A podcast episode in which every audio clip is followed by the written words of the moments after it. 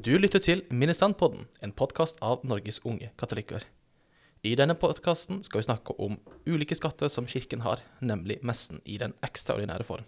En liturgi som ikke alle kjenner, men som tiltrekker seg en svært stor ung målgruppe. Pater Frode Eikenes er en av prestene i bispedømmet vårt som er skikket til å holde messen. Han er til daglig sogneprest i Sankt Elisabeth menighet på Eikeli. Velkommen, pater Frode. Tusen takk. Eh, kunne du fortalt litt om deg selv, en liten introduksjon? Hvor du er født, oppvokst, og hvilken jobb du har for øyeblikket? Ja, jeg kommer fra Grimstad i Agder. Og har vært eh, prest i Oslo katolske bispedømme siden 1998. Etter å ha studert eh, til prest i Allen Hall i London. Den gangen studerte de fleste av bispedømmets eh, prestestudenter der. Så siden da har jeg vært eh, kapellan og sogneprest i litt forskjellige menigheter. Eh, her i St. Olav, eh, som vi sitter nå, har jeg vært sogneprest tidligere. Og vært kapellan i Stavanger og Bergen, vært sogneprest i Porsgrunn, og ikke minst ni år sogneprest i Kristiansand. Og nå er jeg da eh, sogneprest på Eikeli, som er i nærheten av Østerås i Bærum. Og hvordan er det å være prest i Norge? Det er veldig spennende, og veldig Det er alltid spennende, tror jeg, å være, være, å være katolsk prest er en tjeneste som er veldig variert og har et stort mangfold av uh, forskjellige oppgaver, og du møter også veldig mange forskjellige folk i forskjellige uh, situasjoner. Det er veldig allsidig, og ikke minst sogneprestoppgaven er en veldig allsidig oppgave. Uh, selvfølgelig, det, det, som er spesielt med å være katolsk prest i Norge, er jo at vi er en veldig internasjonal kirke og en veldig internasjonal menighet. Uh, så å være en vanlig prest i en vanlig menighet i Norge betyr å møte mennesker fra veldig mange forskjellige land. Og det er nok noe som kanskje våre kollegaer i andre land ikke opplever på samme måten. For der er det på en måte mer at alle i menigheten er fra det samme landet. Så, så det er en spesiell berikelse ved å være katolsk prest i Norge. At man får oppleve veldig mye spennende fra å lære om ulike katolske tradisjoner som folk har med seg fra forskjellige land også. Oppleve ulike sider ved det katolske. En veldig internasjonal kirke, med andre ord. Absolutt. Ja, det er det. Veldig katolsk. Det, det, opplever jo dere ministranter også. Ja, det gjør vi. Selvfølgelig. Så til uh, For å snakke litt om messen din eksterne reform. Hva var det som Hvordan ble du introdusert til denne type messe? Det var mens jeg var sogneprest i St. Olav uh, i Oslo. I, og dette var jo i 2007. Det var da pave Benedikt uh, ga ut motoproprie Summorum Pontificum, som friga den gamle messen, eller messen etter 1962-messeboken, til uh, fritt og, al og, alminnelig bruk. Og, og da, det var da han også ga uh, Introduserte disse to ordene, da. Uh, den ordinære form og den ekstraordinære form. Det var da begreper som pave Benedikt introduserte for å beskrive de to formene av det, det romerske ritet. Så nå har vi da det romerske ritet i den ordinære form. Det er da 1969-messeboken. Den første messeboken etter det andre Vatikankonsil. Og så har vi den ekstraordinære form, som er 1962-messeboken. Den siste messeboken før konsilet. Og i motopropere så står det også at uh, prestene har, an, har plikt til å imøtekomme ønsker fra lekfolket hvis de ønsker å bli betjent i den ekstraordinære form. Og det var et brudepar her i St. Olav som ønsket å bli viet etter den gamle uh, ordning. For, for dette motopropere gjelder ikke bare messen, det gjelder andre sakramenter og ritualer også. Ja.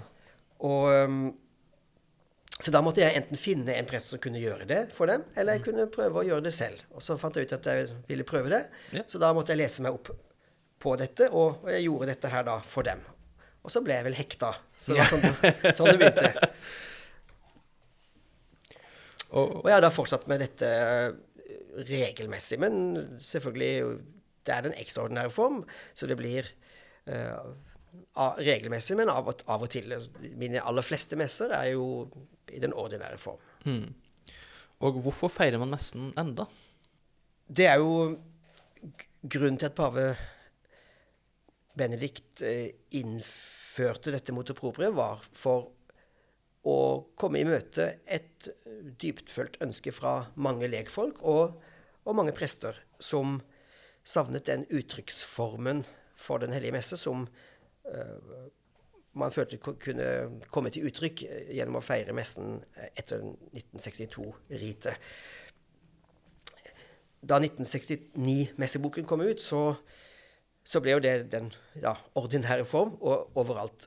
Og den gamle ordningen forsvant nesten, men aldri helt. Det var alltid grupper som holdt fast ved det gamle fordi de savnet det, og de eh, sørget egentlig over at det ble på en måte tatt fra dem. da. Og mange av disse gruppene hadde det vanskelig. Det egentlig, egentlig møtte mye motstand, men gradvis så fikk de gjennomslag for sine ønsker. Det begynte allerede under Johannes Paul 2., som eh, utsetter flere eh, bestemmelser eh, som eh, indulter, som da som gjaldt for bestemte bispedømmer eller bestemte land, hvor uh, det, det, ble mer vanlig og mer akseptert. Særlig England var et foregangsland hvor også biskopene uh, støttet opp om dette, og, og, og, man fikk dette som heter Latin Mass Society, hvor, uh, som har et ganske utbredt tilbud av den gamle messeordningen da, i, i, England. Men, så dette utviklet seg egentlig over tid, da, særlig kanskje på 1980- og 90-tallet. og så da endelig med pave Benedikt, som da i 2007 bestemte at i hvert fall for prestenes privatmesse så skulle disse to formene nå være likestilt.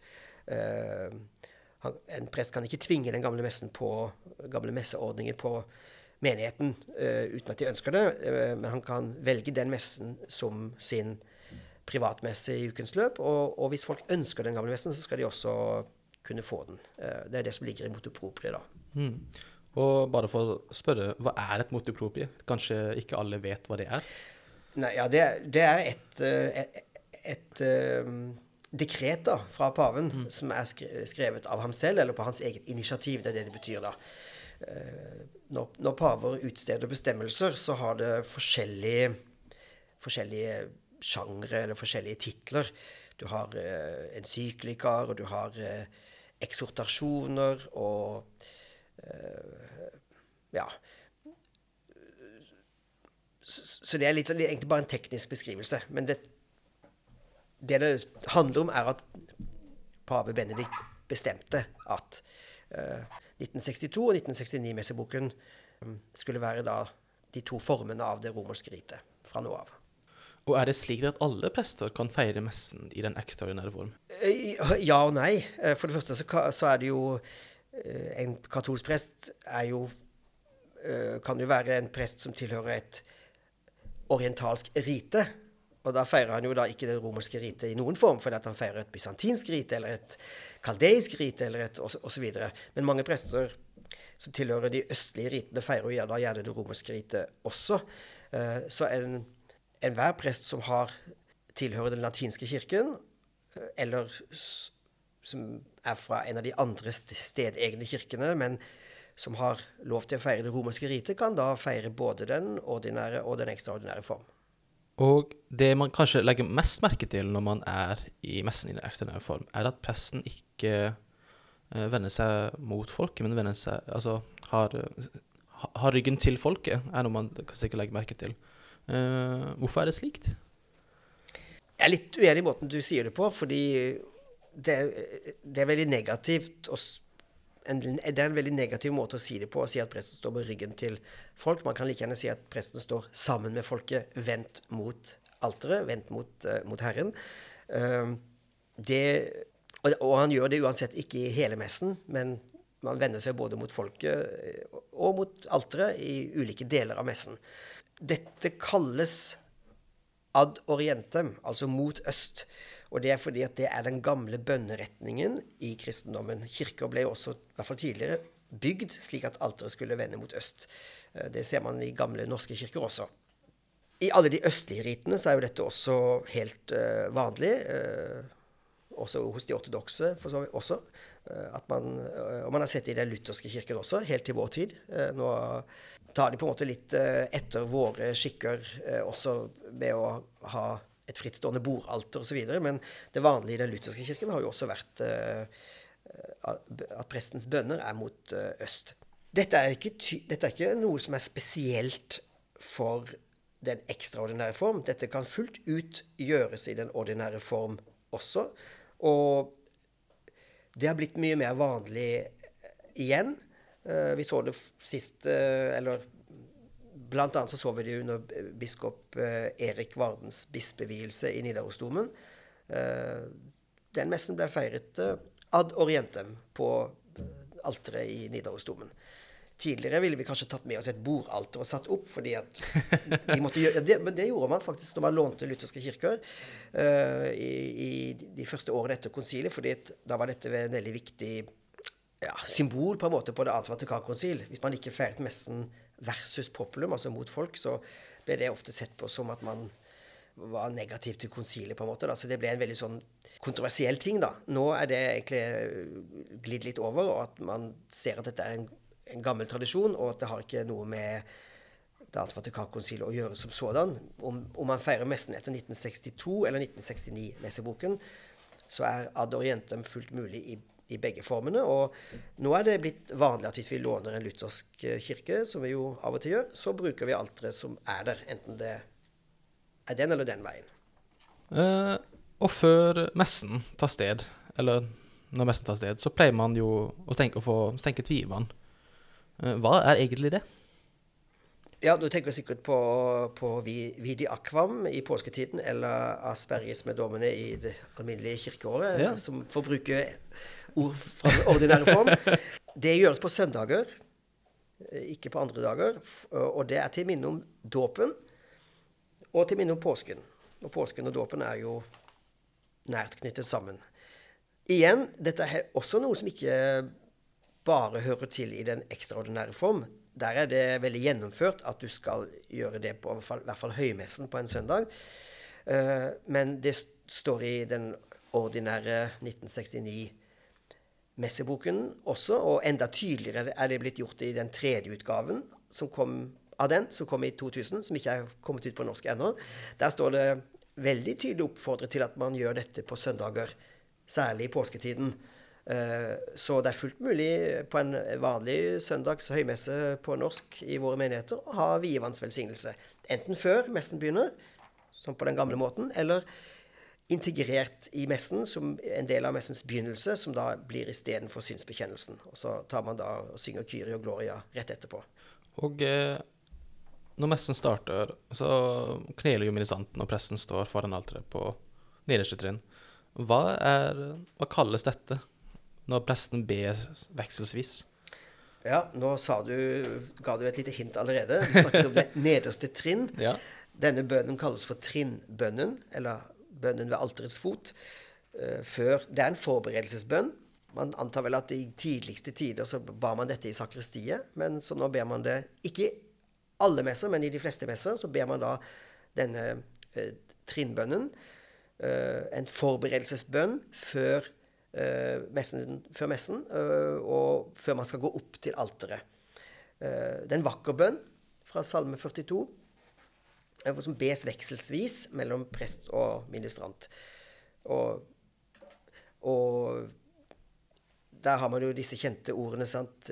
Introiber datare dei quilitificat juventute meam. Jeg vil tre frem for Herrens alter, for Gud min glede fra ungdommen av.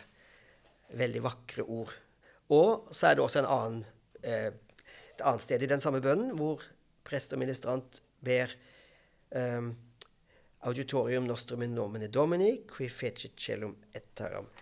Vår hjelp er i Herrens navn, Han som skapte himmel og jord. Og, og den lille setningen der vil jo mange ministranter kjenne igjen, for den har overlevd som en sånn liten, kort ja. startbønn i sakristiet før ja, ja. man går ut til messen. ikke sant? Mm. Det ble snakk, den uh, sies nok i de fleste menigheter i Norge, så iallfall de jeg har vært i. Ja.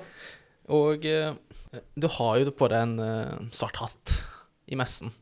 Eh, hva heter det, og hva er dens betydning? Ja, den sorte hatten med museørevinger og dusk, Og den dusk. kalles for en biretta.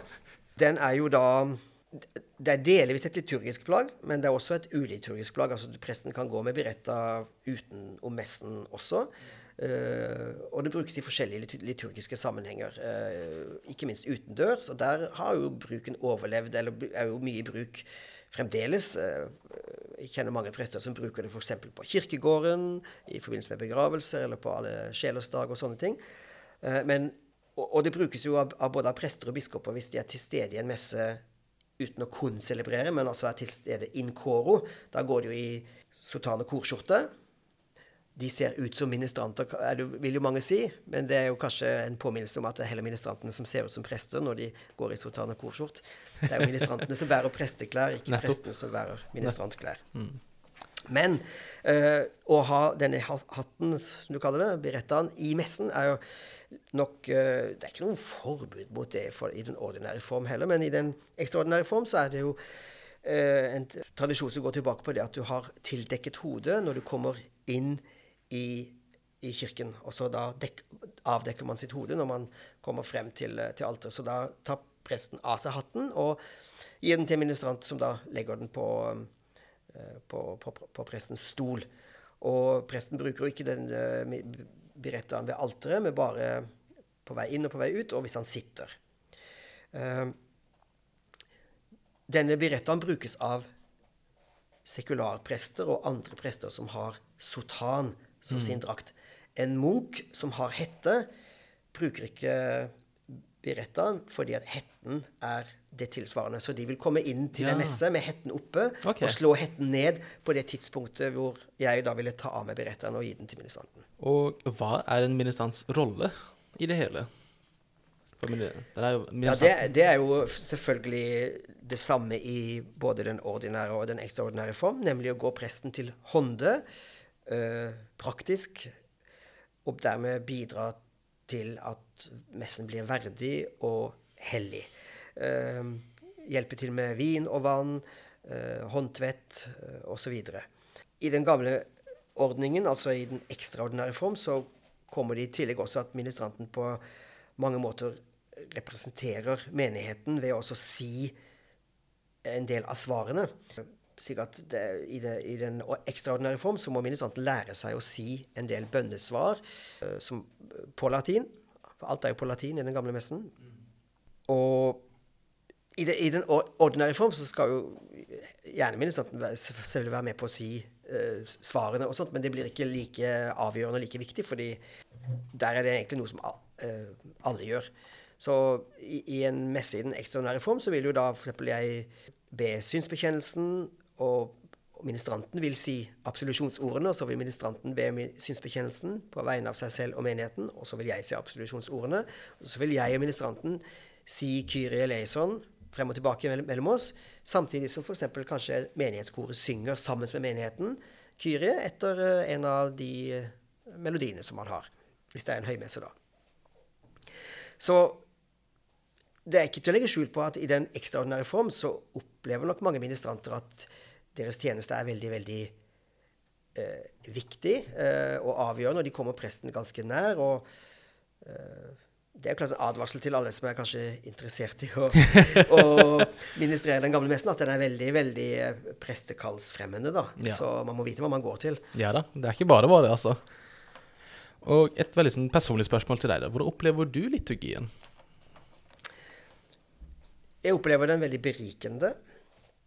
Eh, det, eh, er veldig mange ledsagende bønner. eh, mye fra Bibelen, Davidssalmene, eh, som hjelper meg til å beholde fokus og til å, og til å kunne være til stede på en måte i det hellige. Da.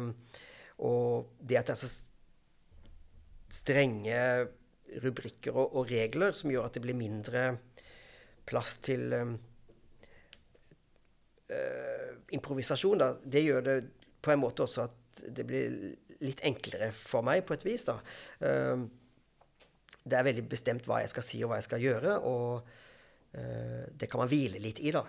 Så, så, så for meg så er dette en berikelse i, i, um, i mitt prestelige liv. Det, det, er en vakker, uh, vakker bønn. Det, det, er en, en messe, messeform som hjelper meg til å på en måte komme nær det som skjer i messen, og hjelper meg til å forstå hva jeg er som prest. da. Og, det, eh, og, og, og, man blir jo introdusert for Kirkens gamle tradisjon. Man merker at dette er århundrer gammelt og veldig uforandret. Det beriker min feiring av den ordinære form også. Etter at jeg begynte å feire den ekstraordinære form, jeg, går jeg til den ordinære form også til, på en annen måte enn før. For jeg, nå vet jeg litt mer om hvor ting kommer fra, og hva ting betyr. Og, og kan på en måte ta med meg tradisjonen fra Kirken. da. Tradisjonen er jo der i den ordinære form også, men den blir ikke like klart forklart underveis. da. Målet med den ordinære form etter det at Vatikankonsil var jo veldig at man skulle forenkle. Eh, og det har mange mange fordeler, men det har også en pris. Slik at um, man må vite en del ting om, om messen som ikke forklarer seg selv. Uh, men ved hjelp av den ekstraordinære formen så har jeg fått hjelp til å kunne forstå mye om, om hva messen er, da. Og hvorfor bør man oppsøke eller komme til denne liten type liturgi? Det som er pave Benedikts uh, tanke, var jo at for de, de, som ønsker det, skulle ha, få denne muligheten. Um, noen vil synes at dette gir dem veldig mye. Andre syns ikke det, og, og, er, og, og, foretrekker den ordinære form. Og det er jo da absolutt et, et, et fritt valg. Uh, men alle burde, alle burde kanskje en, en, gang ha vært i den ordinære, ekstraordinære form, så de kunne oppleve hvordan messen uh, var, og, og, lære litt om kirkens tradisjon på den måten. Da opplever de jo messen som deres uh, foreldre, og i hvert fall besteforeldre og generasjonene før det uh, hadde messen. Og, men det er jo ikke slik at den messen er bedre. Det er svakheter. Det er jo en grunn til at det annet Vatikankonsil ønsket å fornye liturgien. Det var en slitasje, en trøtthet eh, i, i, eh, i, det man hadde fra før, og i hvert fall hvordan det ble forvaltet og, og feiret, så er det jo legitimt å diskutere selvfølgelig at Vatikankonsil ønsket en fornyelse av liturgien. Eh, det er ikke sikkert vi er kommet til det endelige svaret ennå på hva den fornyelsen skal være. og Pave Benedikt ønsket jo helt klart at vi skal da huske, huske, den gamle messen og ha den med oss i vår evaluering av hvordan fremtidens liturgi skal, skal være.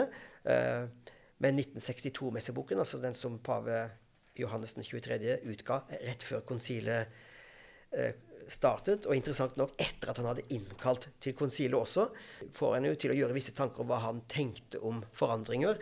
Eh, kanskje. Men, ja. Eh, men uh, ja. Vi har to former av det romerske ritet, og vi har mange andre riter også. Ja. Men messen er i alle disse variantene Eh, det samme. Det samme innholdet. Og dersom man ønsker å få oppleve denne liturgien, hvor er det man kan dra da?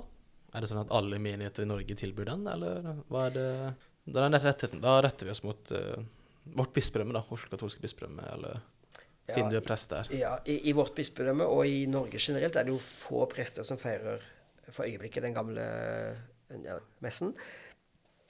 Eh, de prestene som ikke gjør det, det kan være alt fra at de ikke foretrekker den formen, til at kanskje bare at ingen har spurt dem og gitt dem det lille pushet. Så det, det, det er jo alltids lov å spørre sin sogneprest om han kan være interessert i, i det.